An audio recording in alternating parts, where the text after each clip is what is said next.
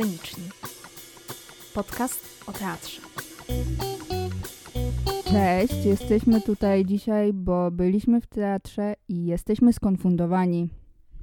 E, Znaczy na pewno Oliwia jest skonfundowana, ja, e, Zuzanna Kolebacz z tej strony, niekoniecznie, ale na pewno chciałabym pomóc w tej konfuzji. No dobra, no żeby też nie wyszło, że jestem jakoś bardzo skonfundowana. Jednak coś zrozumiałam, ale jednak problemy wystąpiły, więc będziemy sobie dzisiaj o tym y, rozmawiać, a byłyśmy w teatrze na ich najnowszym spektaklu pod tytułem Sweet and Romantic, ale czy było sweet bądź romantic, tego się za chwilę dowiemy. Y, Mogliście już słyszeć o tym spektaklu, y, bądź nie. Nie, albo na przykład y, czytaliście jakikolwiek y, wywiad związany z powstawaniem tego spektaklu, a także y, sam jego opis, ale nie myślcie, że to wam cokolwiek mówi o tym spektaklu, ponieważ y, powstały, powstają z niego właściwie jakieś 3-4 wersje i żadna z nich nie pokrywa się z tym, co faktycznie widzieliśmy na scenie. Okej, to w takim razie, e, Oliwio, opowiedz nam trochę o tych wszystkich wersjach Sweet and Romantic, które odkryłaś w czasie próby zrozumienia tego spektaklu. E, No dobrze, w takim razie zaczynając od samego opisu, podobno jest rok 2026 e, i ja naprawdę nie wiem, czy cokolwiek jest w tym spektaklu, co mogłoby nam to zasugerować. Czy ty myślisz, że faktycznie jest ten rok 2026? W takim razie dla osób, które tego spektaklu e, nie widziały, a planują być może zobaczyć, bo w czerwcu będzie grany kolejny set, um, rzeczywistość, w której się znajdujemy, ogranicza się głównie do e, mieszkania głównego bohatera, czyli Ariego. Um, I właśnie mm, teoretycznie przez tą klaustrofobię, czy też właśnie to poczucie zamknięcia w tej przestrzeni, mamy odczuć to, co się dzieje na zewnątrz. Właśnie według opisów dzieje się jakaś rewolucja, jesteśmy w przyszłości. Jednak ta rzeczywistość jest na tyle podobna do tego, co my naprawdę przeżywamy w własnych mieszkaniach, kiedy leżymy w łóżkach, jesteśmy smutni, że mm, to wydaje mi się, że rzeczywiście być może to aż tak nie wybrzmiewa. Jestem bardzo ciekawa, co masz na ten temat do powiedzenia, Oliwia. No, ja jestem też pod tym względem skonfundowana, że jednak inna wersja e, nie mówi o tym roku 2026, ale też mówi o tym, że jesteśmy w przeddzień rewolucji, na co nie mam pojęcia, co mogłoby wskazywać, oraz też, że jesteśmy w Polsce. Okej, czyli mamy tu już kilka wątków. Jest rewolucja, jest Polska, jest przeddzień rewolucji, jest rok 2006, jest rok 2000, jest 2020. No i kto się znajduje w tym całym świecie? Kto, kto uczestniczy w tej rewolucji? E, W rewolucji to faktycznie nie wiem, ale mogę powiedzieć e, o tym, kogo poznajemy na początku i kto jest faktycznie naszym głównym bohatero, czyli e, Ari. I poznajemy go, mm, kiedy on przeżywa żałobę po swoim przyjacielu, chyba, Natanie. I to jest faktycznie taki, mogłabym powiedzieć, nie wiem, pierwszy etap żałoby. Faktycznie ta żałoba jest bardzo widoczna i to jest też mój y, jeden z problemów z tym spektaklem. Nie, żebym miała ich jakoś bardzo dużo, ale faktycznie kilka dramaturgicznych rzeczy mi w nim przeszkadza i faktycznie jest to przeprowadzenie tej żałoby, ale wiem, że ty masz na ten temat inne zdanie. Tutaj może dla kontekstu zwrócimy uwagę, że um, rzeczywiście ten wątek żałoby był bardzo mocno eksponowany w opisach tego spektaklu, że właśnie wszystko, co się dzieje e, w trakcie Sweet and Romantic jest jakimś odreagowaniem, jest przepracowaniem e, żałoby głównego bohatera. Um, I tutaj też warto wspomnieć coś, coś bardzo ważnego, o czym prawdopodobnie najlepiej było wspomnieć na samym początku, mianowicie o tym, że spektakl ten jest bardzo silnie inspirowany twórczością Paula B. Preciado, e, który napisał takie książki m.in. jak Testo Ćpun oraz Mieszkanie na Uranie, które, które w Polsce zaczęły się ukazywać dopiero w przeciągu ostatnich kilku lat. Um, są to książki bardzo ważne dla myśli queerowej, dla myślenia o niebinarności i tutaj szczególnie trzeba zwrócić uwagę na Testo Ćpuna, bo zdecydowanie z niego mm, była największa inspiracja co do Sweet and Romantic. Um, Testo Ćpun jest takim zapisem personalnego doświadczenia Presiado z zażywaniem testosteronu w formie testożelu. Um, I książka ta stanowi z jednej strony historię jego eksperymentu właśnie z własnym ciałem, e, w trakcie którego wychodził poza granice tego, co na co społeczeństwo oraz rząd tak naprawdę mu pozwalał, bo on zażywał ten testosteron nielegalnie. A z drugiej strony jest to książka, która pokazuje rozwój czegoś, co e, Presiado nazywa farmakopornografią, czyli całym tym koncernem, systemem, w którym funkcjonujemy, gdzie właśnie najważniejszymi ośrodkami jest farmakologia oraz pornografia, którymi jesteśmy kontrolowani.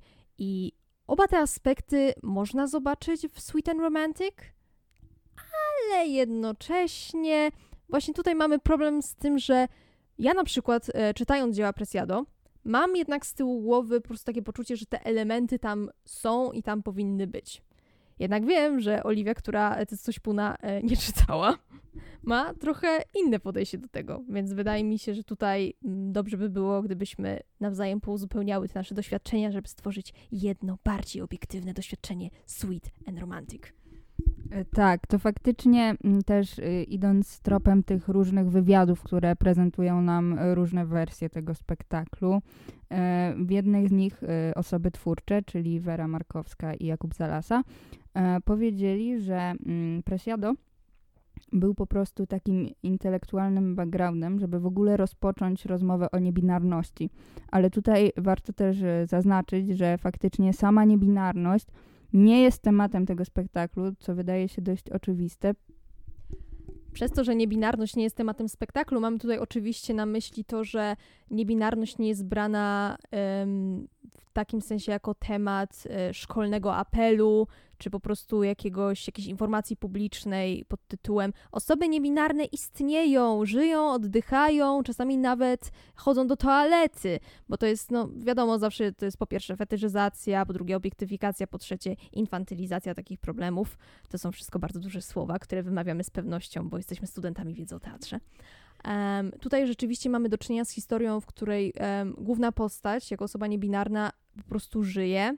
Jej niebinarność wpływa na to, w jaki sposób funkcjonuje, ale nie stanowi osi dramaturgicznej, bo ona nadal przeżywa bardziej uniwersalne e, problemy.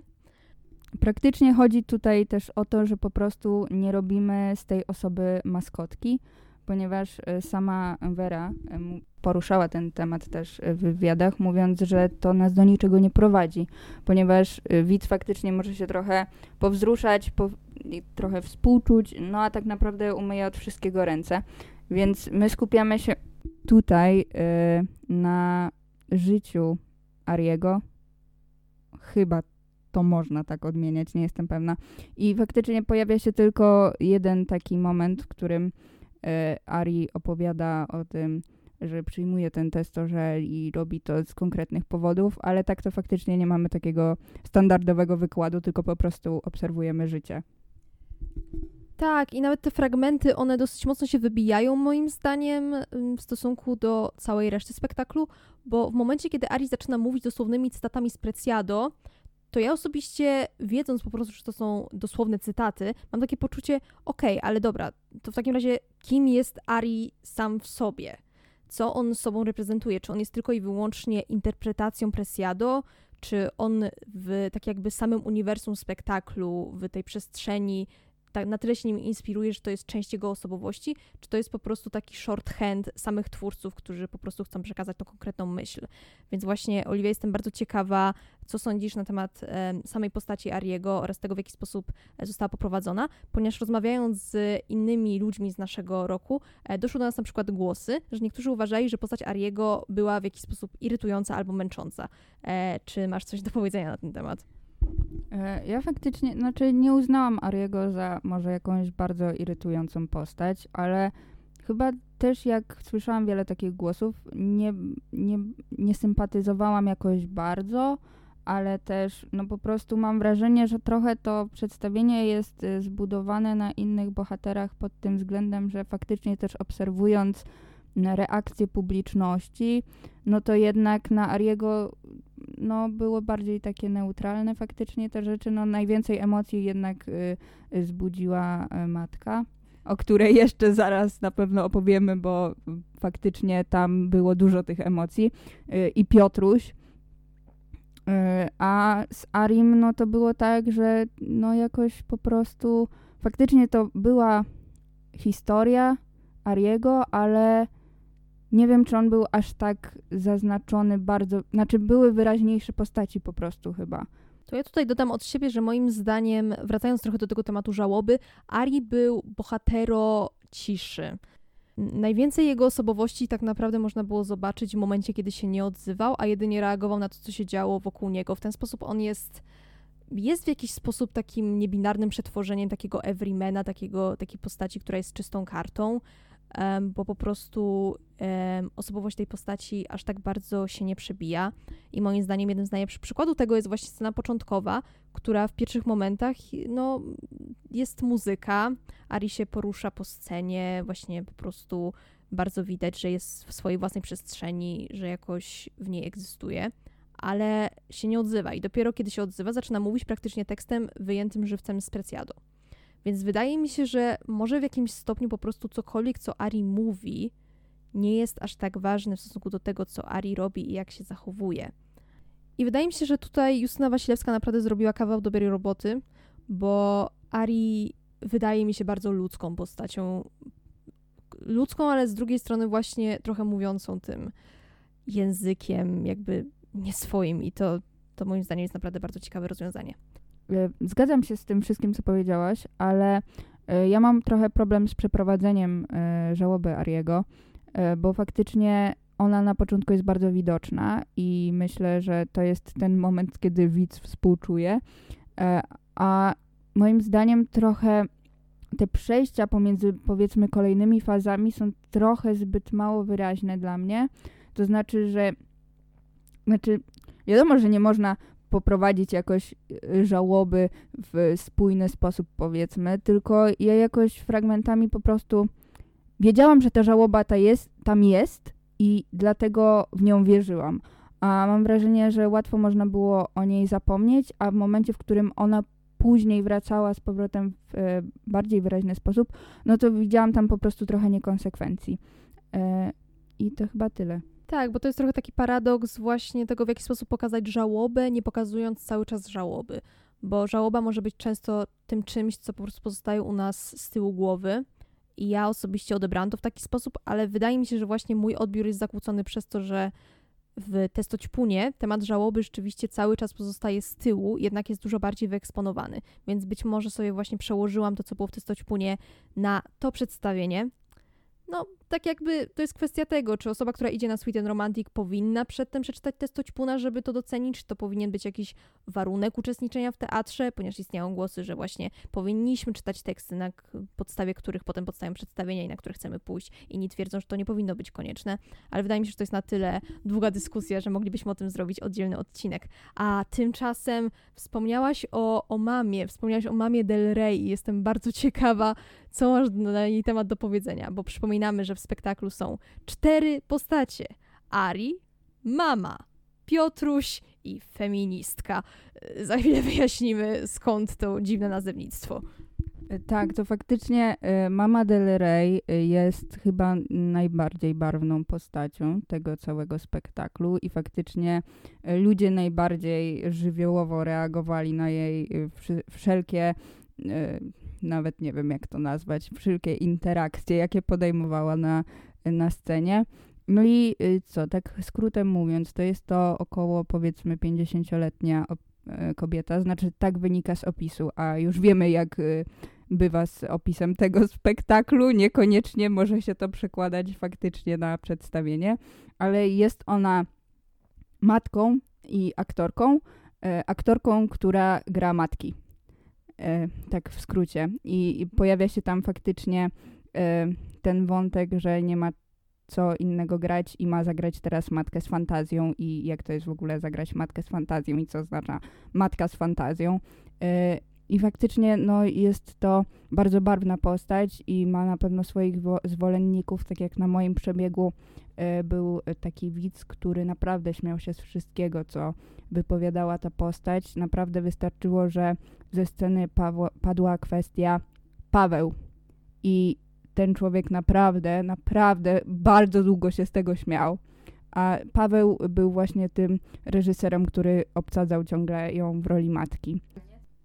Tak, postać matki jest jeszcze ciekawa pod tym względem, że reprezentuje ona taki e, stereotyp postaci, który w polskiej sztuce w sumie nie jest aż tak często widziany, mianowicie wspierającego e, rodzica z dzieckiem, które jest queerowe, czy po prostu w jakiś sposób nieakceptowany społecznie, bo tutaj rzeczywiście postać matki wchodzi na scenę dumnym krokiem z tęczową torbą z czyli najbardziej rozpoznawalnym symbolem polskiej lewicowej młodzieży.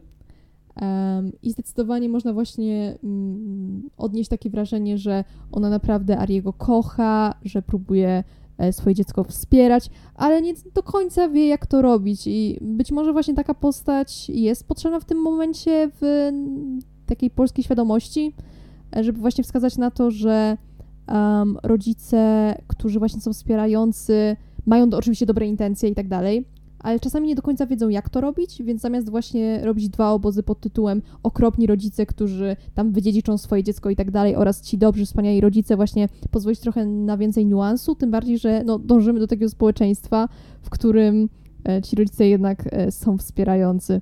No, ale postać matki zdecydowanie wzbudzała bardzo duże emocje. Jej monolog na temat właśnie bycia typecastowaną jako matka e, na moim przebiegu, na naszym przebiegu w sumie, wywołał po prostu falę oklasków więc możemy powiedzieć, że Małgorzata Trofiniuk w pewien sposób rzeczywiście zagrała matkę z fantazją. Czy nie jest to trochę taki paradoks albo trochę zaprzeczenie tego, co ona próbuje powiedzieć na scenie? Nie wiemy. Mamy nadzieję, że zobaczymy ją jeszcze w innych rolach, niekoniecznie matek. Mm, to prawda, to też tutaj warto może zwrócić uwagę e, faktycznie na tą chyba najbardziej kluczową scenę między matką i Arim, czyli faktycznie ten moment tego wsparcia. I dla mnie mm, dość ciekawym zabiegiem było to, że jednak ona została e, rozegrana w ciemności i to też faktycznie był ten moment, w którym nie widzieliśmy reakcji Ariego, tylko faktycznie to był ten moment, w którym było przemówienie. I to, to było bardzo ciekawe. Ale może przejdźmy do następnego bohatera, czyli Piotrusia. E, Piotruś to jest pan D. E, pan D, jak tam na pewno było e, debil, ale też doktor bądź dealer.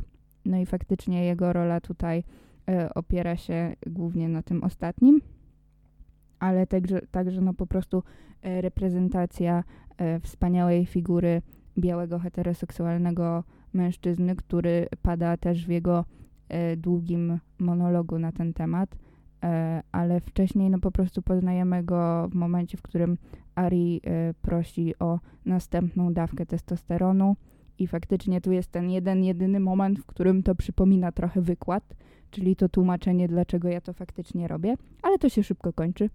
No i faktycznie y, mamy ten długi monolog Piotrusia. O czym? O czym byś powiedziała, że najbardziej jest ten monolog? O tym, jakie posty powstają na Reddicie, kiedy tylko jakakolwiek kobieta się odezwie. Nie no, ale tak na poważnie to oczywiście jest to monolog dotykający kwestii tego, w jaki sposób mężczyzna ma funkcjonować w rzeczywistości, która um, teoretycznie zakazuje mu bycia mężczyzną, czy uznaje sam koncept męskości jako toksyczny, e, co z jednej strony jest dosyć, um, moim zdaniem, jednak ważnym tematem, po prostu sposób, w jaki on zawsze jest e, podejmowany właśnie w kontrze do jakichkolwiek prób feministycznych, do jakiegokolwiek progresywizmu społecznego, to po prostu często wydaje się taką, takim totalnym reakcjonizmem, który po prostu chce e, powrócenia do mm, statusu quo. I mam wrażenie, że ten monolog, właśnie przez to, jak bardzo on polegał na takich wyświechtanych um, argumentach oraz frazesach, typu właśnie, że mężczyźni częściej popełniają samobójstwa, rzadziej mają dostęp do, do, opi- w sensie do ochrony praw rodzicielskich, to po prostu nie jestem w stanie do końca powiedzieć, na ile oni chcieli to zrobić na poważnie, a na ile była to tylko i wyłącznie satyra. I nie wiem, czy ty też nie miałaś takiego wrażenia. To znaczy, ja słyszałam y, wiele różnych i skrajnych opinii na temat tego monologu. Ja nie mam z nim jakiegoś większego problemu, bo mam wrażenie, że mniej więcej odczułam, które momenty miały być satyryczne, a które nie. A, ale niektórzy widzowie też bardzo się zaangażowali w to i faktycznie poprawiali statystyki. Na przykład pan za mną bardzo y, żywiołowo zareagował na te statystyki o męskich samobójstwach, y, ale też faktycznie tam pada kwestia. Y, która z kobiet nigdy, nigdy nie użyła takiego argumentu w dyskusji. No i wtedy pani za mną również wiełowo zareagowała, że no ona to nigdy. Y, więc jednak ten y, monolog spełnił y, swoje zadanie pod tym względem, że jednak wywołał może jakąś dyskusję późniejszą. Prawda jest taka, że ja przez większość czasu zastanawiałam się, kiedy w końcu poleci Kaja, ponieważ tyle razy padło słowo testosteron i testosteron i testosteron, że no patrząc na całość już w tym momencie tego przedstawienia, wiedziałam, że to w końcu nastąpi. E, a też w pewnym momencie mam wrażenie, że tam były kryptocytaty po prostu Kai. E, więc no ten monolog e, u mnie mm, był taki, że właśnie ja się po prostu zastanawiałam, kiedy ktoś zaśpiewa Kaję, albo po prostu kiedy poleci Kaja. Um, no Kaja jest bardzo ważnym tematem, jak wiadomo, e, ale jeżeli mogę coś jeszcze dodać w tym momencie, to dosłownie przed chwilą sobie pomyślałam, że rzeczywiście zarówno postać Piotrusia, jak i tej matki mają takie własne monologi na temat swojego funkcjonowania w społeczeństwie oraz swojej tożsamości, ale Ari takiego monologu nie ma. Czy nie jest to może w jakiś sposób odwrócenie po prostu tych narracji, że w tym momencie właśnie nie, traktujemy tej tożsamości niebinarnej jako coś, co trzeba wyjaśniać, tylko właśnie odwrotnie wyjaśniamy to, co teoretycznie nie należy, w sensie nie tyle nie należy, tylko po prostu zazwyczaj się nie wyjaśnia, bo jest to brane jako standard. No tutaj pojawia się cały po prostu wielki problem, jak po prostu reprezentować. No faktycznie tutaj mamy y, taki motyw, komfort, nie wiem jak to nazwać, że y, no mamy osobę twórczą też, więc ona to w jakiś sposób pokazuje też ze swojej perspektywy, co na pewno jest bardziej nie wiem jak to nazwać, no ale faktycznie unikamy tutaj szybciej tego przedstawienia maskotki i, i no nie robimy tego. Yy, bardzo się zgubiłam. Ja bym dodała do tego po prostu jeden podstawowy postulat. Pozwólmy osobom pochodzącym z różnych mniejszości robić słabą sztukę.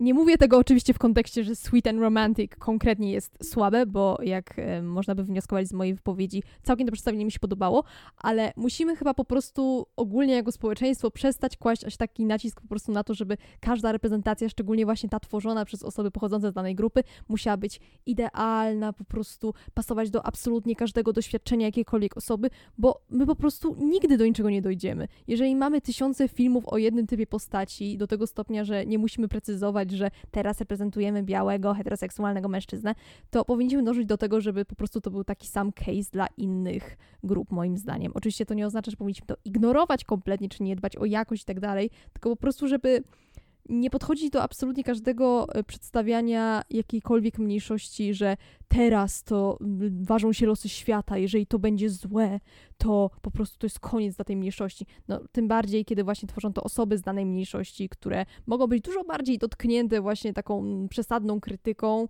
w stosunku do osób tak jakby nieistniejących z ich twórczości. To był tak zwany e, trend polityczny. Dziękuję. Tak, no to jest bardzo ciekawe, że faktycznie główny bohatero jest najcichszą postacią. I faktycznie to nam bardzo dużo o tym mówi i jest to na pewno ciekawy sposób reprezentacji, bo chyba wcześniej w ogóle się nie spotykałam mm, z czymś takim, że faktycznie no e, faktycznie ta główna postać jest takim e, najskromniejszym powiedzmy, e, ale no to faktycznie nie zabiera nam też jakiejś przywiązania, powiedzmy, do tej postaci i jakiejś, jakiegoś odczuwania.